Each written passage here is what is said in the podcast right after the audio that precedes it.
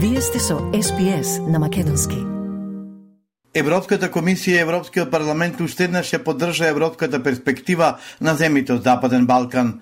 Наспроти нив, бугарските европратеници беа со остри критики кон властите во Македонија. Европратениците со исклучок на неколку од нив, претежно од крајната десница, го поздравија официјалниот почеток на пристапните преговори со Македонија и Албанија минатиот јули. Најголем број од нив се заложија ЕУ да ги исполни ветувањата за земите од регионот. Бугарскиот европратеник Андре Ковачев изрази разочарување по обединувањето на властите и опозицијата во Македонија околу носењето на законот за дружение на граѓани. Ангел Джамбаски зборуваше за омраза со палењето на бугарскиот клуб во Битола и протестите во Охрид, тврдејќи дека законот кој што се носи во македонскиот парламент е за забрана на бугарските имиња. Комесарот за европска соседска политика и проширување Оливер Вархеи рече дека нема да ги коментира овие настани, бидејќи се води истрага за нив во земјата, а комисијата следи што се случува. Предходно, пратеничката од зелените, Тинеле Стрик, побара од Бугарија и од другите земји членки на ЕУ да ги почитуваат дадените ветувања и да внимаваат повторно да нема вето од Бугарија за Македонија. Прашањето за менување на уставот или за референдум е суверена одлука. Не сакам да кажувам што треба да биде направено или не, Тоа не е моја работа, но фокусот треба да биде ставен на реформите. Подобро е да се фокусирате на реформите, на нивното успојување и обезбедување на нивната имплементација, отколку да се посветите на други иницијативи кои би можеле да да значат чекор назад, рече шефот на делегацијата на Европската Унија во Македонија, Дейвид Гир, во гостувањето во Сител. Според Гил, добрососедските односи се клучен елемент во пристапниот процес и тоа како што вели се однесува на сите земји, а дискусиите за историјата се прашања кои билатерално треба да се решат меѓу две земји. Во однос на обединувањето на власта и опозицијата за носење на измени на законот за формирање на граѓански друженија, Гил состав дека сето тоа мора да биде усогласено со меѓународните стандарди. Прашан дали има гаранција дека нема да има ново вето од Бугарија, евроамбасадорот рече дека процесот на проширување е комплексен процес и дека има многу точки во кои одлуките се носат со консензус, односно едногласно. ВМРО ДПМН ќе почека да види како ќе се одвиваат работите во владата, па потоа ќе донесе одлука дали ќе и подаде рака на власта за евроинтеграцијскиот процес, изјави лидерот на опозицијската партија Христијан Митковски и додаде дека нема доверба во соговорникот од другата страна и дека власта дотни три години со своите намери. Ваквата изјава на Митковски доаѓа по предлогот на министерот за надворешни работи Бујар Османи за нов рамковен договор за ЕУ.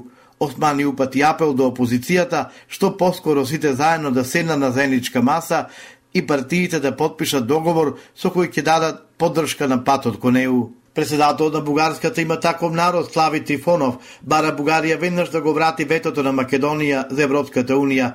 Поред него новото народно собрание треба веднаш да го врати ветото. Собранието во Македонија едногласно изгласа нов закон за фондации и друженија. Со овој закон е исполнета целта, а тоа е да се забранат сите бугарски друженија, именувани по херои од нашата историја. И по падот на бугарското вето, тоа доби уште поголеми и грди размери, што не е изненадување, доколку ЕУ се уште се држи до човечките вредности што ги прокламира. Веднаш треба да ја замрзне кандидатурата на Македонија за членство во Унијата, напиша Трифонов на Фейсбук. ВМРО ДПМН поднес интерпелација против пратеничката на СДСМ Марија Георгиевска, затоа што како председателка на Комисијата за избори и именувања, без завршена комисијска расправа, до пленумот поднела предлог за избор на двајца уставни судии. Образложението на ВМРО ДПМН за интерпелацијата е затоа што Георгиевска постапила против уставно и против деловнички. Од друга страна, Георгиевска вели дека нема член од деловникот што и забранува парцијален извештај, иако признава дека не постои ни член што и дозволува такво нешто. Словенечката министерка за надворешни работи Тања Фајон завчера во кабинетот на колегата Бујар Осмали во Скопје беше пречекана со невисоки почести, но за жал и со една фалинка, а тоа е згрешено знаменце од незината држава. На масата меѓу двајцата министри се веа словачкото и македонското знаме, наместо словенечкото и македонското. Дали Фајон ја забележа грешката и дали реагирала кај колегата Османи, не е познато. Реагирал Министерството за надворешни работи, тие изразија длабоко извинување за како што велат ненамерниот пропуст при употребата на малото знаме на тетате средбите на двајцата министри при посетата на Фајон на земјава кое било едно од 10 државни обележја кои беа употребени за време на средбите. Иако не може да има оправдување за направениот пропуст, министерката со целосно разбирање ја прими грешката како ненамерна, без никакво влијание врз успешноста на средбата и посетата, велат од МНР и информираа дека Министерството за надворешни работи дополнително ќе ги заакне протоколарните проверки со цел војнина да не се повтори ваква ситуација, се вели во сообщението од МНР.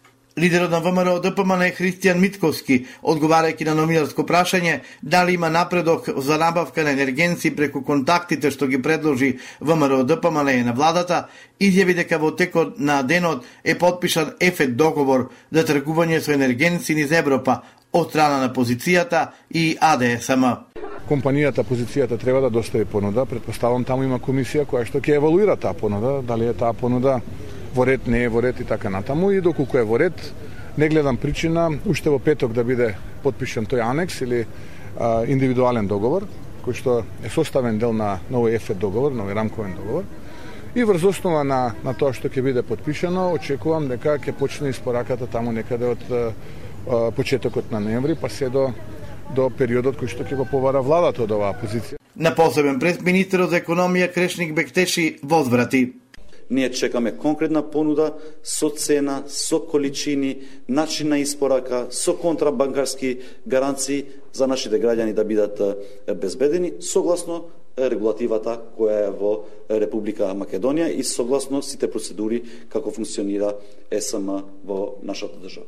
Кога ќе имаме таква понуда, секој дека е обврскана СМ, значи е да ја одбере најдобрата, најповолната е, е, понуда, не само во однос на цената, но и во однос на другите критериуми, како што го наведов контрабанкарската гаранција за нашите граѓани да бидат безбедни. Македонија официјално преку писмо побара помош од Европската комисија за да може да се справи и да ја преброди енергетската криза, но што точно се содржи во него, односно колкави средства и евентуални мерки бараме од Брисел, за сега останува непознато за да не се наруши процесот на преговори. Министерот за економија Крешник Бектеши е оптимист дека помошта ќе биде навремена и со соодветна сума. Премиерот Димитар Ковачевски во рамките на посетата во Абу Даби оспари средба со Джамал Саиф Ал Джарбан, генерален секретар на Меѓународниот совет на инвеститори на Обединетите Арапски Емирати. Советот има главна улога за упатување и информирање на компаниите од ОАЕ, каде да инвестираат и да го вложат својот капитал. Владата, судовите, собранието, председател на државата ЕСМ и МЕПСО во септември годинава вкупно заштедиле 20 струја во однос на истиот месец лани.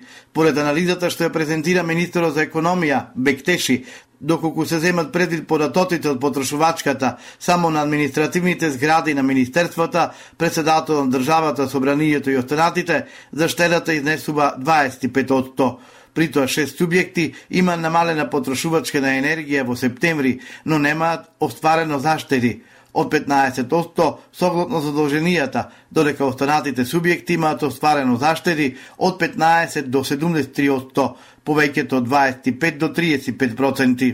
Од 1 ноември српскиот динар ќе биде на курсната листа на Народна банка, но и македонскиот динар ќе се најде на курсната листа на Народна банка на Србија. Ова е ветер во грбот за унапредување на соработката меѓу двете земји, велат банкарите. Српските граѓани во земјава ќе можат да ја менуваат својата валута за денари. Таква можност предходно има во Куманово, но сега и во други градови ќе можат да заменат динари во денари. Економистите од двете земји како позитивно го оценија внесувањето на српскиот динар на нашата курсна листа, но и метнувањето на македонскиот денар на курсната листа на Народна банка на Србија. Српските туристи со години се едни од најбројните во земјава, пишува Фактор МК. Стиснете, ми се допаѓа, споделете, коментирајте. Следете ја SPS на Македонски на Facebook.